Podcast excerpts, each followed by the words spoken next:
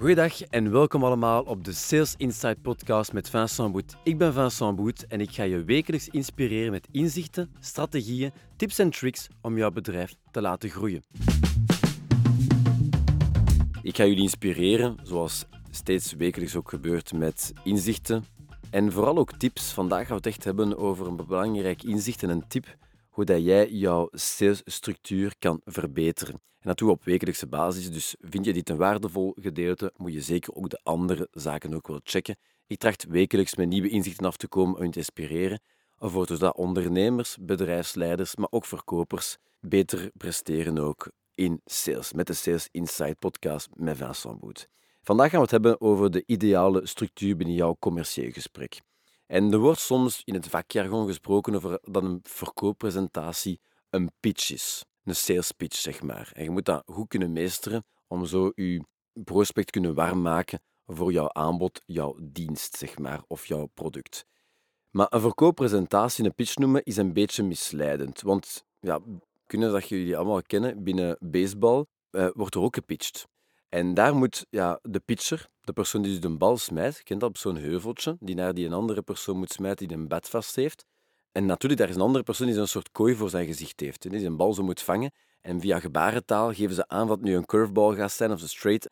Ga even mee met die beeldspraak. Je ziet die pitcher daar op die zijn heuvel. En zijn doel in zijn pitch is om ervoor te zorgen dat de batter, de persoon die die een baseballbat vast heeft, de bal niet raakt. Die moet zo goed mogelijk smijten naar die andere persoon als ze gehuurd ligt om die een bal te vangen. Maar in sales is het net anders. Dan moet je juist voor zorgen dat je pitch juist wel de bal raakt. De batter die moet die een bal perfect kunnen raken, zodat hij een home run kan slaan. En dat is wat je wilt toch in sales? Je wilt toch elke keer home runs slaan. Dus het is een beetje anders dan in baseball. In sales moet je ervoor zorgen dat jij je pitch zo goed mogelijk aanbrengt, dat je paf binnenkomt bij die batter, dat die persoon ook een home run kan slaan. En zoals een goede pitch moet de verkoop getraind worden. Mensen willen een verhaal horen om te begrijpen hoe jouw aanbod hen kan helpen. Succesvol pitchen is een combinatie van training dus en wetenschap. Als verkoper moet je zorgen dat jouw verhaal inspeelt op de noden en de wensen van jouw klant en hen overtuigt om te kopen. Jouw resultaat na elke afspraak is de feedback dat jij moet ontvangen. En zo gaat ook een better uh, steeds zich zijn grip ook aanpassen om de bal wel te raken. Maar het is niet zo dat een koper zijn manier van kopen of zijn beslissingsproces gaat aanpassen aan u als verkoper, de pitcher. Jij moet ervoor zorgen dat jij weet hoe dat je better, hoe dat je beter gezegd, die prospect ook wel denkt, zodat jij op een succesvolle manier je product kan aanbrengen, dat dat recht binnenkomt ook en echt zijn doel ook wel kan behalen. Dus zorg ervoor dat je steeds, wanneer dat jij een verkoopgesprek hebt, dat je ook je resultaten kent en meet en analyseert. En dat biedt u de mogelijkheid om te trainen en je pitch te gaan verbeteren. Om je resultaten te kunnen meten, is het belangrijk dat je steeds dezelfde chronologie overloopt. In functie van je resultaat kan je aanpassing gaan brengen en de verschillende stappen of etappes van je sales pitch kunt gaan perfectioneren. Dus ga zo je sales pitch gaan perfectioneren per fase de chronologie en de stappen eigenlijk te behouden en niks over te slaan. Anders zul je het effect en het resultaat ja, en de uitkomst zeg maar, ja, negatief gaan beïnvloeden. Je kunt niet iets veranderen in je salesproces op verschillende niveaus en dan in feite kunnen analyseren wat het effect van was tracht steeds één aspect van je salesproces te gaan optimaliseren, om dan te, daar bepaalde conclusies te kunnen uitnemen. En wat zijn die conclusies? Dat zijn ja, het resultaat dat je hebt uitgebracht. Dus om je salespitch te perfectioneren, moet je dus de verschillende fases gaan analyseren. Je resultaat ook uiteraard. Je moet altijd kijken naar wat is het resultaat, de uitkomst geweest van mijn verkoopgesprek en in functie daarvan aanpassingen doorvoeren. En dat hoor ik heel vaak als ik verkopers train. Dan luister ik van hoe was uw verkoopgesprek? Hoe is die pitch geweest? Hoe was die verkooppresentatie? Hoe was die salesafspraak? Oh, een heel goed gesprek gehad. Ja, dat is meestal, ik heb niet verkocht, maar tot zo'n leuk gesprek. De beste barometer om een goed gesprek te kunnen gaan analyseren is hoeveel resultaat is er uitgekomen, hoeveel deals, wat is de waarde van die deal dat daar uitgekomen is. Moet daarvoor elk gesprek eindigen met een getekende offerte of een deal? Nee, absoluut niet. Maar moet wel ervoor kunnen zorgen dat de uitkomst, het bekomen van een deal, zeg maar, dat dat wel in verbinding staat met elders wat dat je doet tijdens het verkoopgesprek. Eindig je een verkoopgesprek zonder effectief een samenwerking, moet je wel weten wanneer de volgende afspraak zal kunnen plaatsvinden en vooral ervoor zorgen dat je de bal in jouw kamp houdt. Ervoor zorgen dat jij nog altijd initiatief kan behouden om zo verdere stappen te kunnen gaan zetten. Om terug te komen over de sales pitch zelf, moet je dus elke fase goed respecteren en niks overslaan. Want je kunt niet verwachten dat je eh, wel resultaat haalt als je plotseling de manier van werken in feite aanpast. Je kunt niet steeds hetzelfde medicament gaan maken, zeg maar, door in één keer de percenten of de grammages te gaan veranderen, of zelfs de chronologie van die ingrediënten plotseling te gaan veranderen. Verkoop is op dat vlak een beetje zoals chemie. Je moet wel die verschillende fases en de doseringen zeg maar, ook daarin gaan respecteren. Wanneer je en de ingrediënten verandert en de chronologie gaat veranderen, is het onmogelijk om hetzelfde effect dus te gaan bekomen. De chronologie, dus de structuur van jouw salesgesprek, daar we vandaag over hebben. En dat gaat een heel belangrijk belang hebben in het resultaat dat jij kunt hebben en het, in het resultaat dat jij zult bekomen, ook met je sales pitch. En een van de zaken die ik zeker met u wil delen, is het allereerste. En dat is de voorbereiding. Hedendaagse klanten hebben geen tijd voor onvoorbereide verkoopgesprekken. Mensen willen, prospects willen, verwachten zelfs dat je consultatieve en gepersonaliseerde verkoopgesprekken aanbiedt, die de waarde stimuleren en inzichten verschaffen. Je moet iets weten over je prospects al voordat je daar naartoe gaat. Je moet een klein beetje vooronderzoek gedaan hebben. Het is heel charmerend dat je toekomt, zelf ook als klant, dat je ergens toekomt en dat die persoon moeite heeft gedaan om u te leren kennen op voorhand. Dat die tijd en energie geïnvesteerd heeft in u, zelfs al voordat hij u heeft ontmoet. Die persoon is voorbereid, is to the point en kan zich al demonstreren dat hem interesse getoond heeft in uw eigen realiteit dankzij het voorbereidend werk. Ik vind dat persoonlijk, en ik hoop u ook, een betuiging van respect, maar vooral ook het laat zien dat je verkoper goesting heeft om met u samen te werken. En goesting is aanstekelijk, ook een typisch Vlaams woord. Een juiste voorbereiding is dus van cruciaal belang. Maar ook in de voorbereiding naar je afspraak toe. Niet alleen maar de realiteit van je klant kennen, maar ook bijvoorbeeld weten ja, wat de beste route is naar die afspraak, stel je face-to-face -face komt dat je ook weet wie de personen zijn die je gaat ontmoeten. Dat je misschien een keer op LinkedIn kan gaan kijken wat is het traject dat ze hebben afgerond. Dat je misschien kan kijken van wie hebben ze uh, binnen netwerk ook als gemeenschappelijke ehm, connecties. En misschien kan je daar een aanknopingspunt hebben. Misschien gaan kijken naar bevragen ook binnen de organisatie, naar meer senior profielen. Of dat zij een ervaring hebben met die organisatie. Dat je eigenlijk iets of wat voorbereid bent ook naar wie de personen zijn dat je zal ontmoeten, maar ook de route goed kent. En vooral in Vlaanderen. Het is heel jammer dat je te laat toekomt omdat je je niet goed hebt voorbereid en rekening gehouden hebt ook met de reistijden ook uiteraard. Wanneer dat je een folder of een sales tool of een presentatie in feite hebt, vind ik het bijvoorbeeld ook heel interessant om bij je voorbereiding ook de naam van die persoon ook te gaan vermelden. Of je salespresentatie zodanig te gaan personaliseren dat de klant het gevoel heeft dat je die specifiek of speciaal voor hem gemaakt hebt. Een printscreen van de website erbij gaan nemen. De jaarrekeningen even gaan consulteren en misschien zelfs daar bepaalde berekeningen rond doen. Misschien kan dat iets zijn dat je binnen je organisatie kan brengen.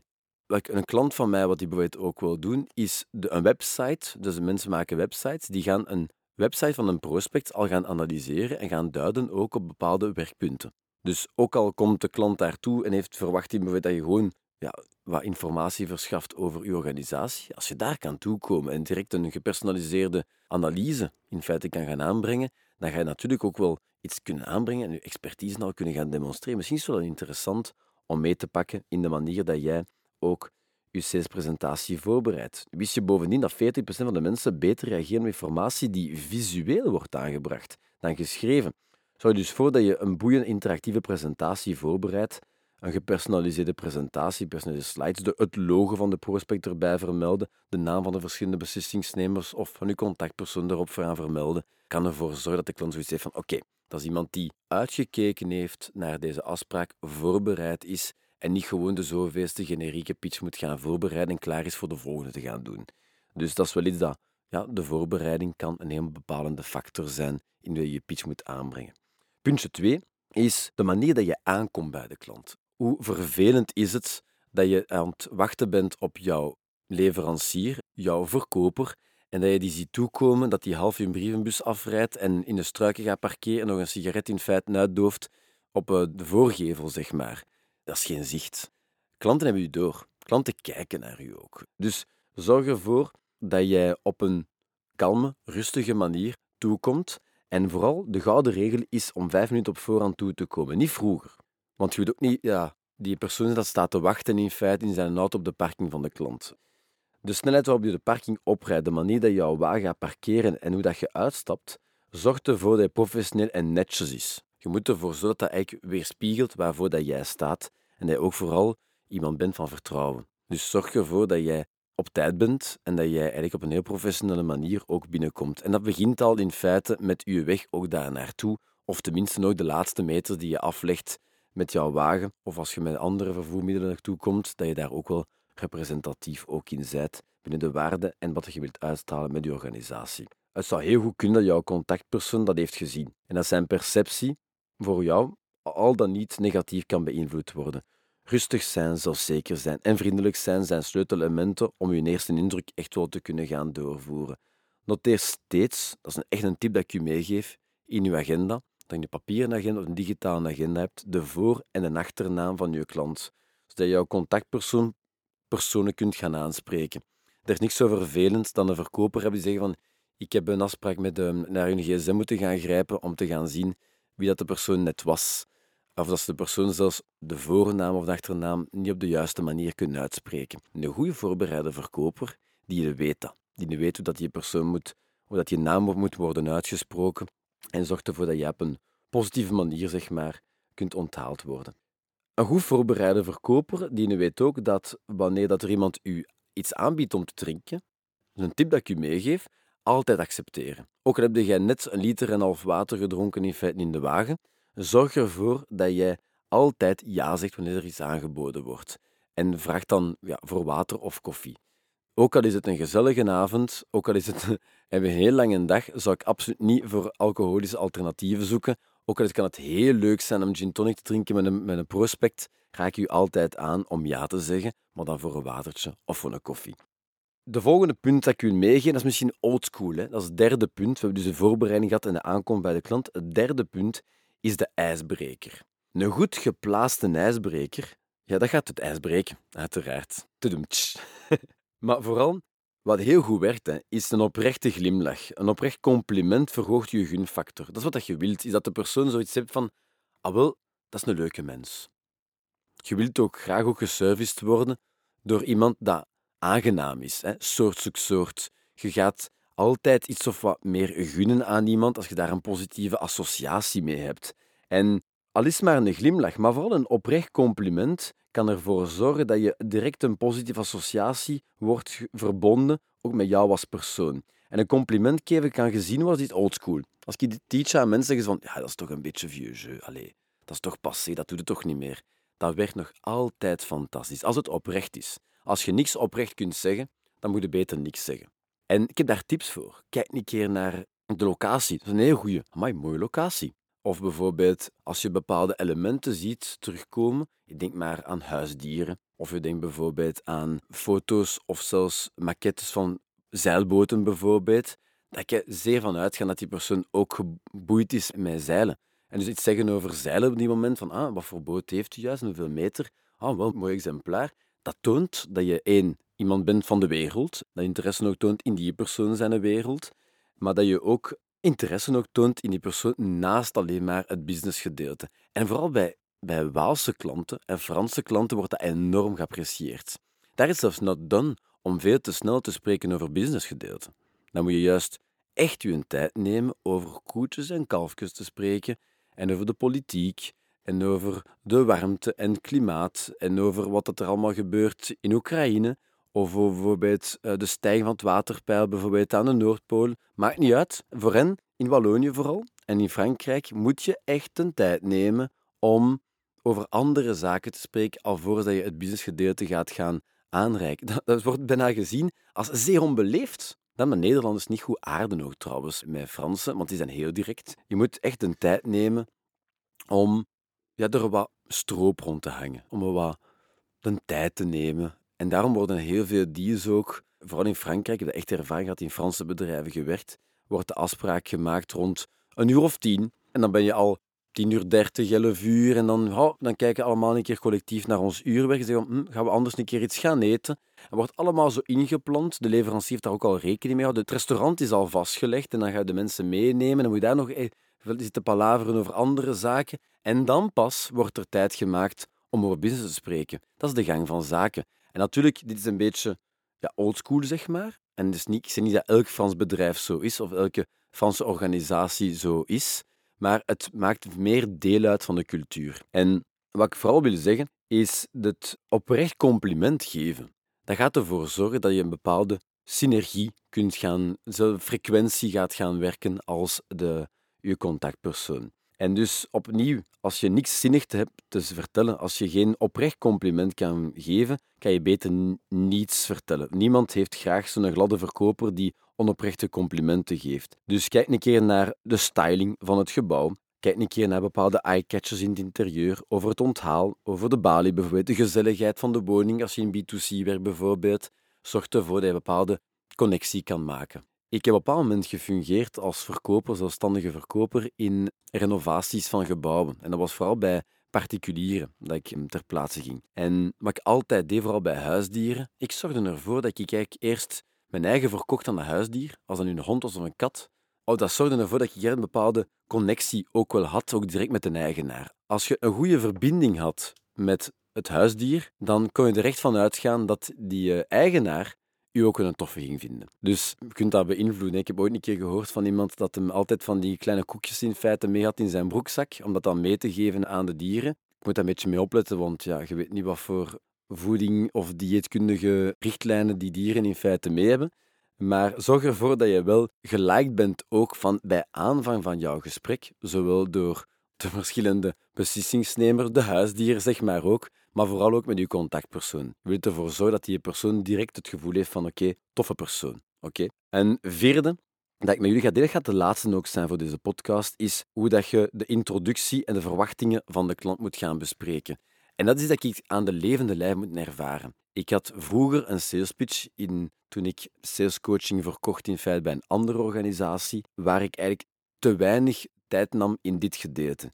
Ik ging veel te snel over naar de behoefteanalyse. Dat is de volgende punt. Wel, je verliest heel veel waardevolle informatie en vooral heel veel tijd als je niet bij aanvang van het gesprek een goede introductie in feite meedeelt. En vooral niet genoeg post naar de verwachtingen in feite van de klant. Je moet in de, deze fase, zeg maar, dus nadat je bent toegekomen en een oprecht compliment hebt gegeven die de ijsbreek hebt toegepast, ga je de introductie doen en dan kan je in feite de contactpersoon bedanken voor de tijd en de ruimte die ze maken in de agenda ook om jou te ontvangen, de beschikbaarheid, zeg maar. Maar ook wel vragen van, kijk, wat zijn jouw concrete verwachtingen over dit gesprek? Wat wil jij concreet weten, ook over mij, of op het einde van dit gesprek?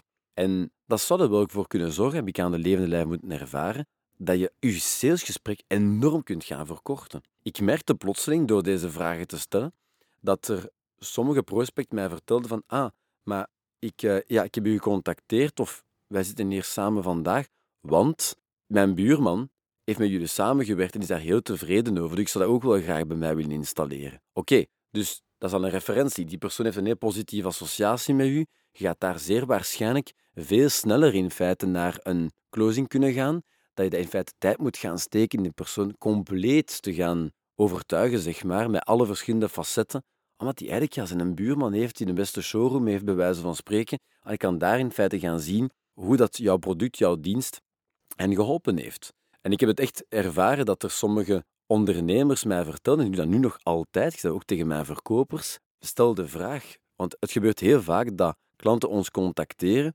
omdat zij een heel positieve review hebben gekregen van iemand in hun omgeving. En zeggen van, ah ja, de Thomas heeft met jullie samengewerkt en die is daar heel tevreden van. Zijn omzet is enorm gestegen. Ik wil dat ook voor mijn organisatie. Ah, oké, ja, oké, super. En dan winnen we enorm veel tijd gewoon in het verkoopgesprek. Moet je daarvoor dat het gewoon een walk in the park is? Nee, absoluut niet. Maar je kan wel al direct ook ja, terug refereren naar bepaalde gebeurtenissen of de ervaring ook van die persoon. Dat helpt u ook in jouw verkoopgesprek. Dus we hebben er vandaag vier besproken. Dat is enerzijds de voorbereiding, de aankomst bij de klant, de ijsbreker en dan de introductie. En in de volgende editie van mijn podcast Sales Insights ga ik het hebben over de volgende punten. We gaan het hebben over de behoefteanalyse, de wrap-up, de oplossing en hoe dat je succesvol kan afsluiten. En daarna, in de volgende edities, ga ik het ook hebben over de objecties weerleggen. Is dat absoluut wel in de meeste verkoopgesprekken ook wel gebeurd. Maar de afspraak is om elkaar volgende week terug te zien voor de Sales Insights met Vincent Boet, waar ik het zal hebben om te beginnen over de behoefteanalyse, zodat je met open vragen kan onderzoeken hoe jouw prospect kan helpen. Hopelijk vond je dit ook interessant en ga je hiermee aan de slag. En ga je dit ook wel kunnen delen met jouw netwerk of commentaar achterlaten. Ik hoor het heel graag en hopelijk tot snel. Bye bye.